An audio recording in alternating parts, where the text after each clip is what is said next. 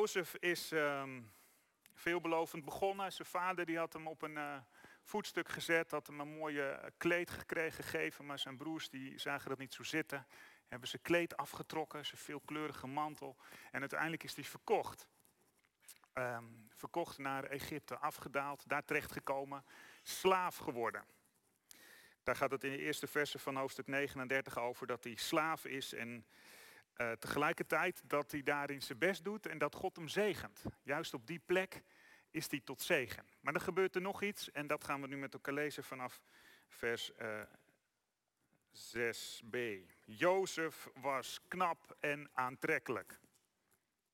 Na verloop van tijd liet de vrouw van zijn meester haar ogen op hem vallen. Kom bij me liggen, zei ze. Maar dat weigerde hij. Sinds ik hier ben, zei hij, hoeft mijn meester zich hier in huis nergens meer om te bekommeren. En hij heeft mij het beheer gegeven over al zijn bezittingen. Er is niemand hier in huis belangrijker dan ik en hij heeft mij niets onthouden behalve u, omdat u zijn vrouw bent. Hoe zou ik dan zo'n grote wandaad kunnen begaan en zo kunnen zondigen tegen God? Dag in, dag uit probeerde ze Jozef over te halen. Maar hij gaf niet toe. Hij wilde niet bij haar gaan liggen. Maar op zekere dag, toen hij het huis binnenkwam om zijn werk te doen en geen van de bedienden daar aanwezig was, greep ze hem bij zijn kleed. Kom bij me liggen, drong ze aan. Niet alleen maar om bij te liggen, daar moest het mee gebeuren. Maar hij vluchtte naar buiten. Zijn kleed liet hij in haar handen achter. En toen ze besefte dat hij gevlucht was en zijn kleed bij haar had achtergelaten, riep ze haar bediende en zei tegen hen: Moet je nou zien? Hij moest zo nodig een Hebreeër in huis halen, zeker om zich met ons te kunnen vermaken. Die man is bij me gekomen en wilde bij me liggen, maar ik begon luid te roepen. En toen hij me zo hoorde schreeuwen, ging hij er vandoor en liet zijn kleed hier bij mij achter. Ze liet het kleed naast zich liggen totdat Jozefs meester thuis kwam en vertelde hem hetzelfde verhaal. Die Hebreeuwse slaaf die jij in huis hebt gehaald, is bij me gekomen om zich met me te vermaken. En toen ik begon te schreeuwen, ging hij er vandoor en liet zijn kleed bij mij achter. Toen Jozefs meester zijn vrouw hoorde vertellen dat ze zo door zijn slaaf was behandeld, werd hij woedend. Hij liet Jozef oppakken en in de gevangenis zetten die bestemd was voor de gevangenen van de koning. zo kwam Jozef in de gevangenis terecht.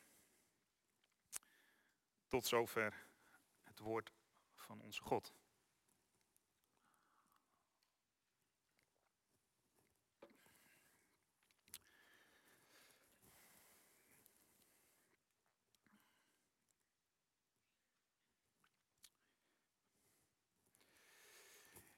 In uh, november was er een uh, synode van de protestantse kerk, een hele grote vergadering, waar allerlei belangrijke dingen besproken worden. En eens in de zoveel tijd is er zo'n vergadering en daar worden allerlei belangrijke dingen besproken. En een van de dingen die besproken uh, was, is, is veilige kerk. Er werd nagedacht over ehm, ja, hoe zijn we nu een veilige kerk en welke regelgeving is daarin helpend om zo veilig mogelijk te zijn. Want nou, het is actueel op allerlei gebieden, in, ehm, ook in onze samenleving is er sprake van grensoverschrijding. En allerlei organisaties die hebben het erover van hoe doen we dat. Ik, ik ben zelf uh, trainer bij een voetbalclub en dan moet je ook een VOG aanvragen. En het wordt allemaal geregeld en discussies over. En uh, nou, zo, daar ging het dus ook over op die synode. Moet het niet in alle kerken een VOG aangevraagd worden? Verklaring omtrent gedrag, dat, dat, dat, je, ja, dat, je, dat je van alle medewerkers kunt aantonen van nou die hebben in ieder geval op papier niks verkeerds gedaan. Zoiets. Hele discussie. En ik denk ook wel een terechte discussie, want de vraag was natuurlijk van ja, maar weet je, op het moment dat je nou alle vrijwilligers, iedereen die iets doet in kinderwerk of pastoraat of, of wat dan ook, als die nou allemaal zo'n verklaring omtrent gedrag hebben, heb je het dan opgelost? Daar gaat natuurlijk dan de vraag over. Nou, je voelt wel aan. Dan heb je natuurlijk niet per se opgelost. Ik weet niet hoe dat hier is, hè, of jullie dat hier vragen in het kinderwerk of zo. Maar, maar, maar ja, weet je, je kunt wel een, een, een papiertje hebben, maar je weet dan eigenlijk nog heel veel niet. En het werd natuurlijk ook steeds gezegd. Kijk, het is maar een tool, maar het is niet het, een, het, is niet het enige. Het allerbelangrijkste is dat er gesproken wordt over veilige kerk. En dat er gesproken wordt hoe je dat doet als vrijwilligers en, en hoe je een beetje met elkaar in gesprek blijft. En is het een thema om over te praten? En, en op het moment dat je zo'n VOG verplicht stelt, dan, dan moet je eigenlijk ook zeg maar, verplicht stellen dat er over gesproken wordt. Nou, uiteindelijk uh, ligt, het, uh, ligt het er. Hè? Dus zijn we in de protestantse kerken soort van verplicht om met die VOG's aan de gang te gaan. Um, maar goed, daar werd dus ook steeds bij gezegd, van belang is dus vooral dat we blijven praten. Dat we manieren vinden om in gesprek te gaan van hoe zijn we nou een veilige kerk.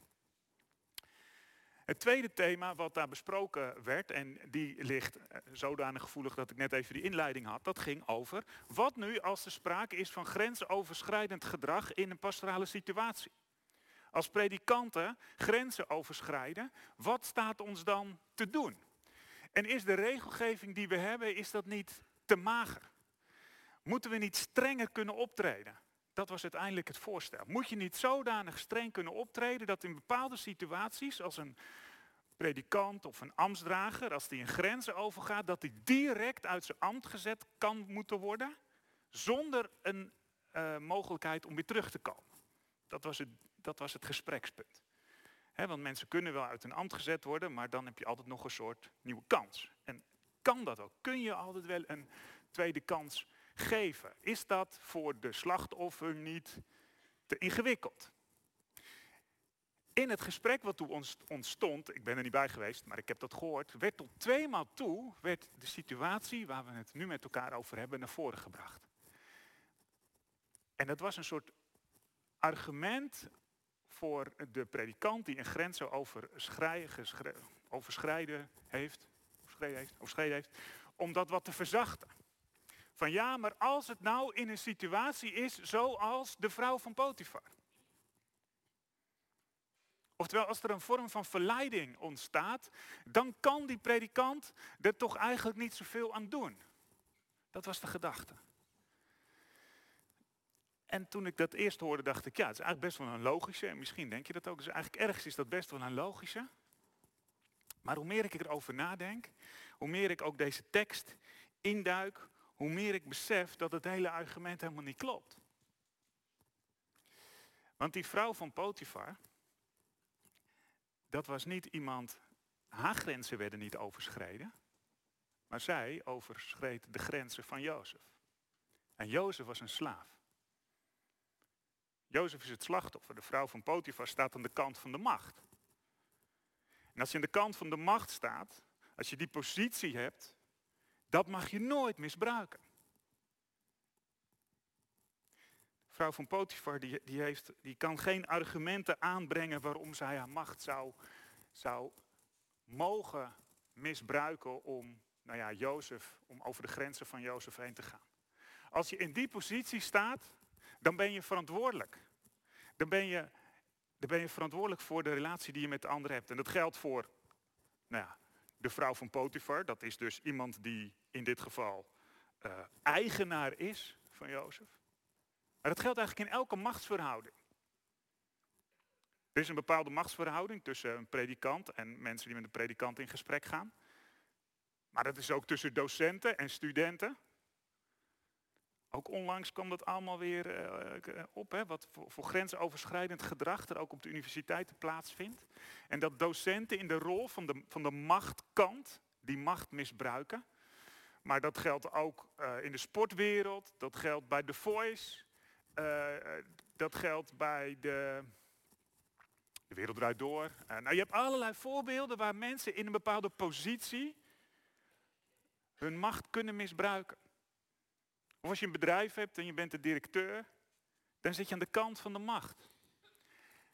En dan is het extra belangrijk om je te realiseren wat dat betekent. En dan heb je nooit een argument om grenzen over te gaan. Jij staat dan aan de kant van de verantwoordelijkheid. Kijk, nou zijn er natuurlijk mensen dat als je je wat verdiept in het verhaal van, van Potifar en de vrouw van Potifar, dat je toch ergens wel gaat denken van ja, maar die vrouw die ging toch ook niet zomaar, die deed het toch ook niet zomaar. Er is toch wel iets te zeggen waardoor, ja, kijk, het is al veel zeggen dat ze geen naam heeft.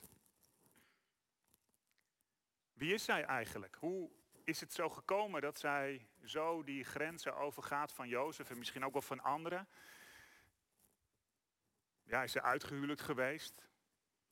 Hoe, hoe, hoe is haar man voor haar? Er zijn mensen die zeggen in het hof van de, van de, uh, van de farao, als je, daar, als je daarvoor werkte, en Potifar had daar een hoge positie, nou, die, die werden, zeg maar, dit waren eunuchen, gecastreerd, ontmand. Ja, wat voor potentie had hij dan nog? En, en wat betekende dat dan voor zijn vrouw? Eigenlijk is ze ook wel een beetje zielig met zo'n man. Bovendien is hij altijd maar aan het werk en zo. En altijd maar weg. En zij zit er maar alleen. En eh, al, zo lang niet gezien door haar eigen man. En er komt er zo'n knappe gozer. En dan, ja, weet je. En daar heeft ze ook nog de macht over hem. Dat is toch wel ergens een beetje te begrijpen. Ja, dit, zijn, zullen wel argumenten zijn. Dat zijn wel verleidingen voor de vrouw van Potifar.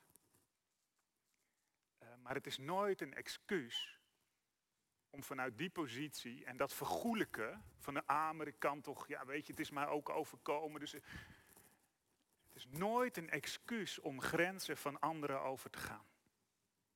Dat is een van de lessen die ik uit dit gedeelte uh, trek.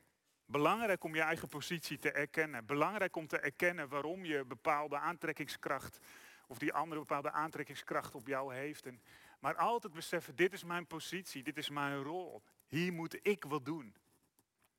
Hier moet ik het gesprek voeren. Niet met diegene, maar met mensen om me heen. Hier moet ik zorgen voor een vorm van tegenmacht. Dat ik niet zomaar mijn macht misbruik. Kijk, je kunt, je kunt er met Thijs van Nieuwkerk wel helemaal aan de schandpaal nagelen, wat vandaag de dag natuurlijk ook gebeurd is. En dat kan het ergens ook wel verklaren. Maar we voelen met elkaar wel aan, dat is niet de enige. Het heeft te maken met heel die cultuur daaromheen, dat dat kon gebeuren. En die cultuur daaromheen, daar zijn we wel met elkaar verantwoordelijk voor. Hoe zorgen we ervoor dat we aanspreekbaar zijn?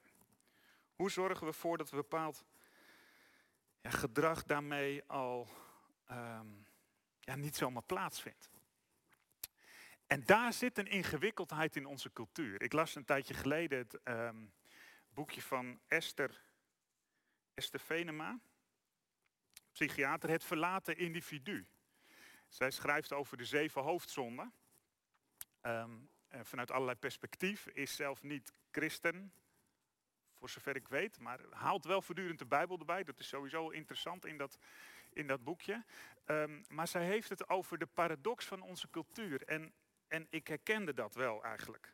Er zit een soort. Ehm, aan de ene kant vinden we het heel erg belangrijk dat mensen zelf mogen kiezen. De autonomie, je eigen keuzes, je eigen individuele keuze is ontzettend belangrijk en waardevol. En dat wordt ook heel erg hoog gehouden. Iedereen moet zelf kunnen kiezen hoe hij zijn leven invult en wat hij daarin belangrijk vindt. En er moeten geen andere mensen zeggen, dit mag jij wel en dit mag jij niet. Nee, zelf je grenzen zoeken, zelf je grenzen bepalen. Leef je leven en, en, en, en, en ontdek wat daarin goed is en wat fout is. En dat moet je dan vooral zelf bepalen. Dat is de ene kant van die, van die autonomie. En dat, dat geldt dus ook als het gaat om je seksualiteit. Ja, kijk maar wat jij fijn vindt en hoe ver jij wil gaan. En, en wat je, laat andere mensen niet zeggen wat jij wel en niet moet. En zeker niet een kerk. Hè? Want die, hè, dat is altijd maar moralistisch met vingertjes en zo. Dat, dat sowieso niet. Laat mensen dat vooral zelf ontdekken. Autonomie. Tegelijkertijd zegt zij dan, maar er zit ook een soort paradox, een soort tegenstelling in. Of, want aan de andere kant, op het moment dat mensen onze grenzen overgaan, als gevolg van de vrijheid die we hen geven, want iedereen moet vrij zijn, maar als iemand in zijn vrijheid te ver gaat, dan vinden we dat we beschermd moeten worden. Dat we in onze cultuur beschermd moeten worden voor mensen die onze grenzen overgaan. Maar dat is natuurlijk ingewikkeld. Als je aan de ene kant geen normen op wil leggen, Niet wil zeggen, zo gaan we met elkaar om. Want iedereen moet het zelf ontdekken. En als iemand in zijn vrijheid dan te ver gaat, dan is die meteen helemaal fout. Nou, er zit een soort rare paradox. Voorbeeldje. Ik weet niet of het hier in Amersfoort ook is, maar in Utrecht heb je weer zo'n campagne van Second Love. Second Love, wat is dat?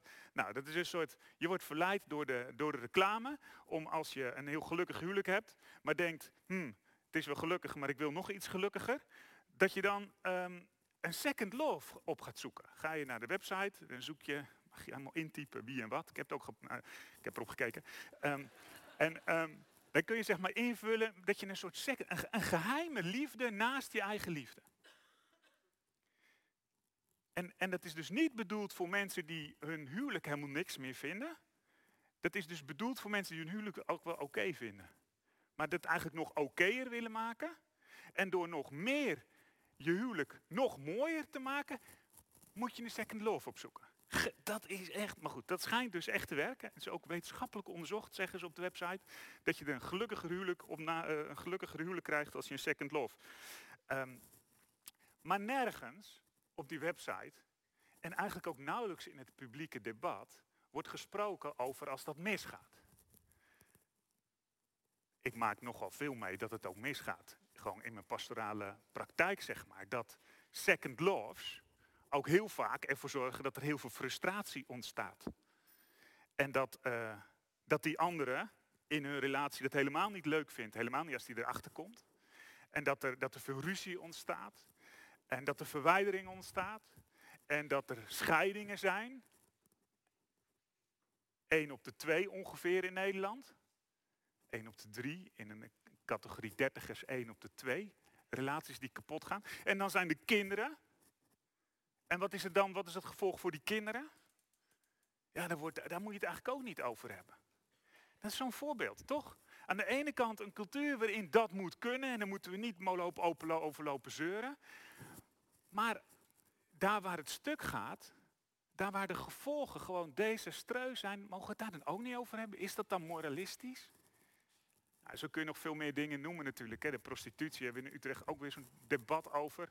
Ja, dat, moeten we, hè, dat moet toch kunnen. En tegelijkertijd op het moment dat we kunnen aantonen dat heel veel prostitutie plaatsvindt onder dwang. Ja, ja moet dat dan ook kunnen? Ja, nee, dat dan weer niet. Maar hoe, hoe zorgen we dan? Pornografie, ongeveer het meest wat op internet opgezocht wordt. Hè? Ja, dat, dat, dat is toch fijn voor je om naar te kijken en zo. Ja, maar op het moment dat je weet dat heel veel waarnaar je kijkt, dat het, dat het sprake is van misbruik. Onlangs een onderzoek in Frankrijk, 90% van de porno, wat je kunt zien op internet, is onvrijwillig. Dus de kans is ontzettend groot dat je zit te kijken naar iets waar anderen misbruikt worden. Voor jouw genot. En dat moet dan kunnen. Voel je de paradox? De tegenstelling? in onze cultuur. Er is begrenzing nodig. We moeten begrensd worden. Dat is goed. Die vrouw van Potifar die zou begrensd moeten worden. Die zou een cultuur om zich heen moeten hebben van hoe ga je nou om met jouw slaaf als je daar bezit van, als ze, je bezit zijn. Hoe doe je dat? Um, nou ja, ik, ik heb nogal veel contact met studenten. En uh, die hoor ik hier ook eigenlijk mij worstelen, steeds weer. Dus ik dacht, nou, ik, ik benoem het ook maar. Heel af en toe kun je een klein beetje moralistisch zijn in een preek, denk ik dan. Maar um, kijk, nee, uh, ik denk 95% van de stellen die ik trouw, en dat zijn er zo'n 15 tot 20 per jaar, die wonen samen. Vroeger was dat een heel groot probleem hè, in de kerk en nu is dat geen, ja, is dat nog een probleem soms? Nou goed. Ik stel altijd wel vragen erover. Van wat betekent dat nou? En wat mij opvalt, is dat voor heel veel stellen het toch eigenlijk ook wel ingewikkeld is. Want in de meeste situaties is degene met wie ze samenwonen niet de eerste partner waar ze seks mee hebben. Maar dus ook al met anderen. En dan zijn ze nog heel christelijk en gelovig en zo. En dan wilden ze het eigenlijk niet. Maar ja, ja weet je, ja, deze tijd. En, maar ze vinden het ook allemaal een beetje ingewikkeld. En ik denk, nou, dan wil ik het er ook gewoon over hebben. Toch? Als je het, als, of mogen we het niet meer over ingewikkelde dingen hebben in de kerk? Omdat we niet moralistisch willen zijn. Um, ik las uh, uh, Prachtige Wereld van Rooney over millennials. En, ehm, en, en ik merkte dat ik daar nogal ondaan van was. Het gaat over, over vier dertigers die een beetje door het leven ehm, zwerven. waarin die vooral ontzettend worstelen met relaties. En, en ik dacht, ja, als het, het is niet zo moeilijk om iemand bij je in bed te krijgen vandaag de dag. Um, maar om een duurzame relatie te ontwikkelen, dat is een enorme klus. En ik vroeg dat bij mij in de kerk aan, aan meerdere van die dertigers. En ik dacht, dat zullen ze wel niet zo heel erg herkennen, maar, maar dat wordt dus enorm herkend. Dus inmiddels denk ik, oké, oké, dat herkennen we dus met elkaar. Het is niet zo moeilijk om seks te hebben, sorry hoor, ik zeg het maar even zo. Maar het is wel lastig om een duurzame relatie te ontwikkelen. Nou, laten we daar dan over hebben in de kerk hoe je dat dan doet. En misschien is het dan ook helemaal niet zo gek om af en toe af te spreken dat een beetje begrenzing, dat dat je helpt. Dat het niet alleen maar is om te zeuren, maar dat het voor jezelf ook goed is. Um, Jozef, die weigert. Hey, Jozef heeft al allerlei onrechtvaardige situaties meegemaakt als slaaf. Dat is per definitie een, een onrechtvaardig systeem natuurlijk. En er is al van alles gebeurd wat onrecht was wat niet kon, waar mensen zijn grenzen overgingen. Maar hier weigert hij. Er zijn momenten dat je zegt, en dit laat ik niet gebeuren. En hij heeft de kracht en de moed om nee te zeggen. Nee tegen die uh, vrouw van Potifar. Dit past hem niet. Hij, um, ja, hij kent zijn plek. Hij zegt, dit doe ik niet, want ik heb alles ontvangen uit de hand van mijn meester, uw man. Maar u heb ik niet ontvangen. Dit is de plek die ik heb gekregen. En ik zeg nee tegen meer dan dat. Um, hij weigert rigoureus. Hij doet zijn oren dicht en hij loopt door het huis heen. Steeds als zij achter hem aanloopt en zegt: Kom met me naar bed. Dan doet hij alsof ze niet bestaat. Ik dacht, dat vond nog wel even een hij ging dus niet, hij ging dus niet zo van, uh, ja, nog even zitten. Ik snap wel dat je het moeilijk hebt met je man. dat heb ik ook gemerkt, want ja, ik kom hier natuurlijk ook. En ja, hij is altijd weg. Het is wel moeilijk voor je. Gaat niet de pastorale gast uithangen. Dat moet je dus dat moet je niet doen als je verleid wordt. Dat moet jij niet doen, dan moet er iemand anders doen als jij dat gaat doen, gaat het natuurlijk fout.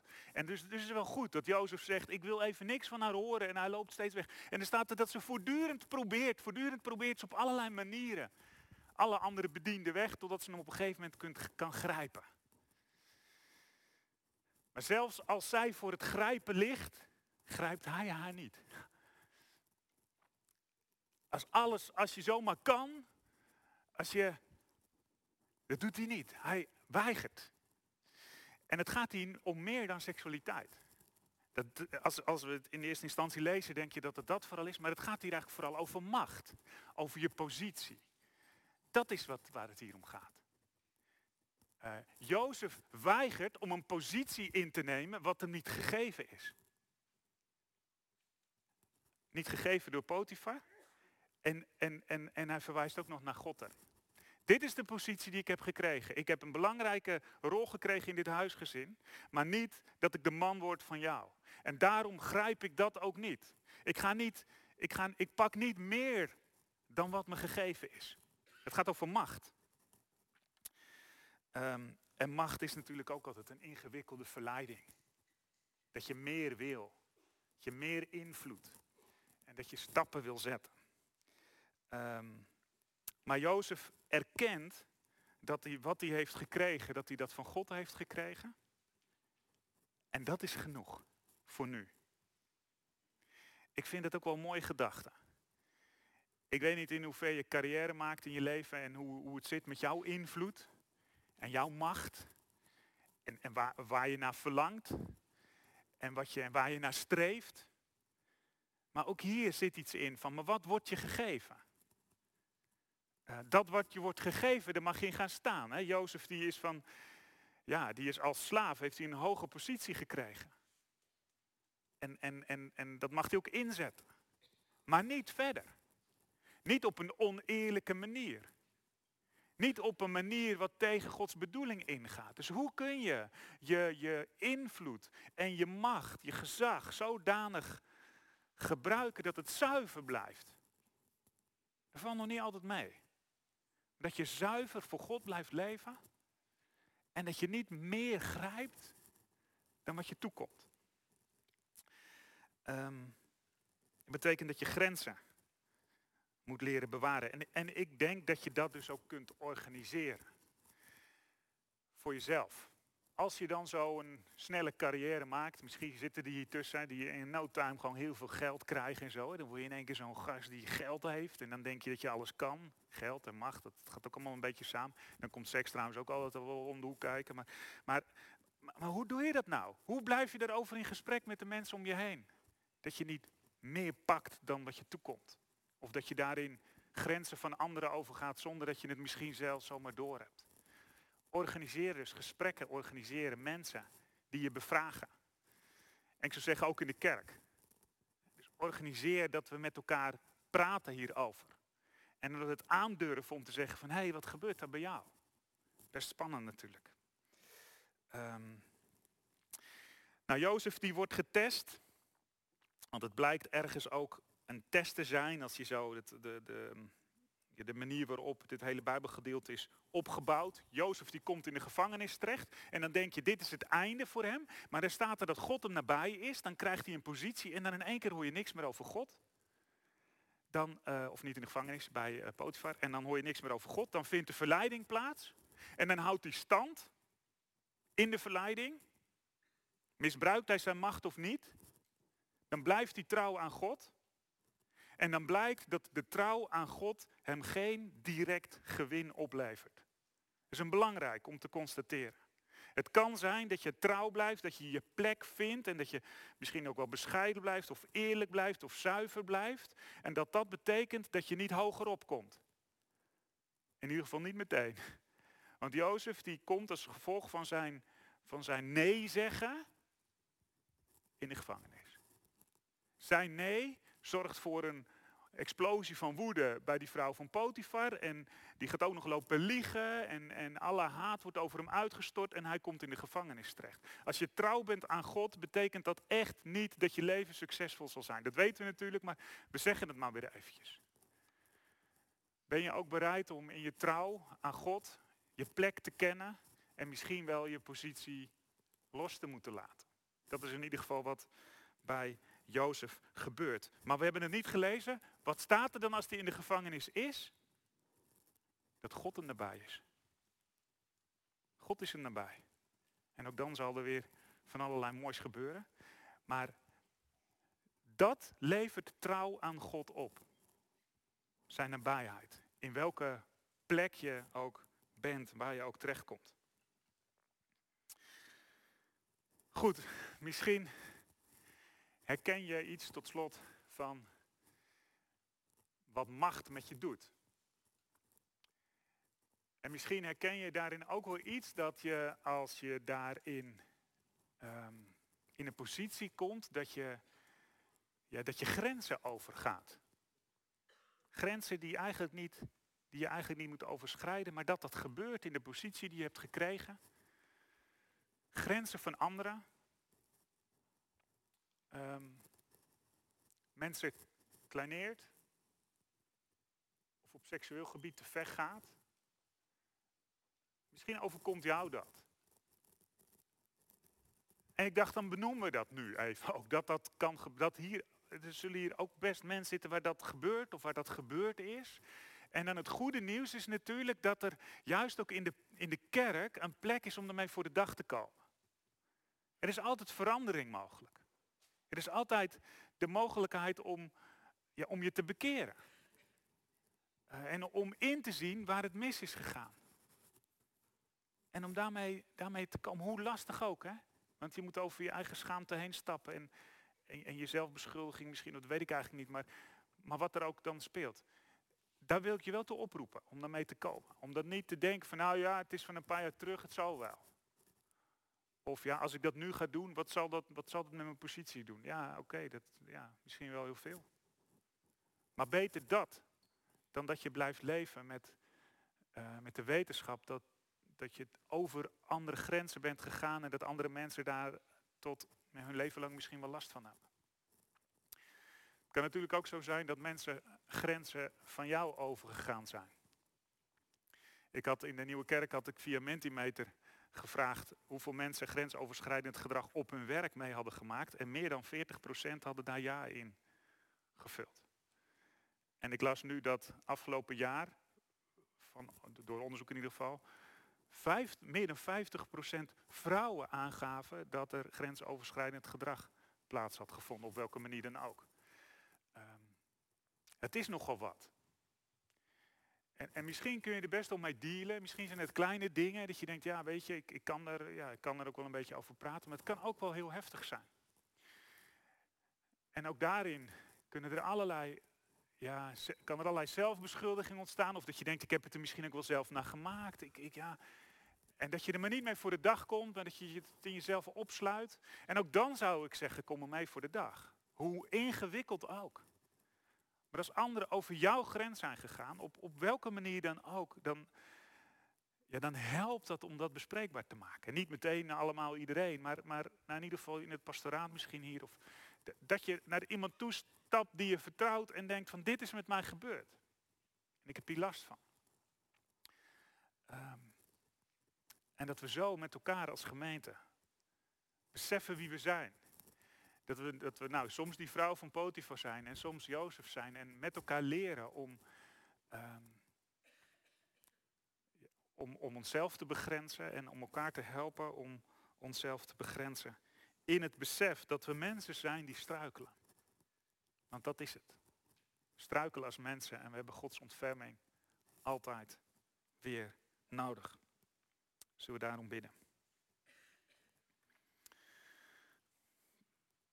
Goede God, dank u wel dat u de God bent die erbij is. In welke situatie dan ook, dat u ook bij ons bent. En u weet hoe deze thematiek speelt in ons leven. Of we misschien zelf wel vanuit onze positie of momenten die er waren, onze macht misbruikten en te ver gingen. Soms nauwelijks ons realiserend wat dat met de anderen doet. Misschien weten we het heel goed, daar waar het mis is gegaan. Of misschien zitten we wel in een situatie waar het misgaat. Heer, we bidden u, ontfermt u zich over ons. En help ons om eerlijk te zijn. Om voor de dag te komen met daar waar we de mist in gegaan zijn of waar we de mist ingaan. Ik denk dat als we het dan toch ook hebben over second love, mensen die daarmee aan het experimenteren zijn en, en, en van binnen wel voelen, dit is niet handig. Maar ja, het gaat. Help om nee te zeggen, God. Help om ons niet op te sluiten in onze eigen geheimen maar om de dingen aan het licht te brengen. Bij u, bij de mensen om ons heen. We bidden nu voor die mensen die, ja, waar grenzen overschreden zijn. Waar het niet lukte om nee te zeggen. Waar mensen ondanks ons nee misschien ook nog wel weer verder gingen. U weet hoe dat wonder kan slaan in ons leven in ons vertrouwen in mensen en in ons vertrouwen in onszelf. Heer, help ons dan ook om daarmee voor de dag te komen. Om hulp te zoeken. En wilt u daardoor heen genezing brengen. Heer, wij danken u dat u een God bent die erbij is. En zegen ons met uw wijsheid, ook in het samen kerk zijn in het opvoeden van onze kinderen, in het leven met die paradox van enerzijds die autonomie en anderzijds de behoefte aan helderheid. We bidden u om wijsheid daarin. Om daar ook vandaag de dag als kerk een, ehm, een eerlijk en een heilzaam geluid te laten horen. We bidden u dat u door uw geest in ons werkt. Dat u bevrijdt van verkeerde patronen, verslavingen. Maar dat u ons mens maakt zoals bedoeld door Jezus Christus. Ontfermt u over ons. In de naam van Jezus. Amen.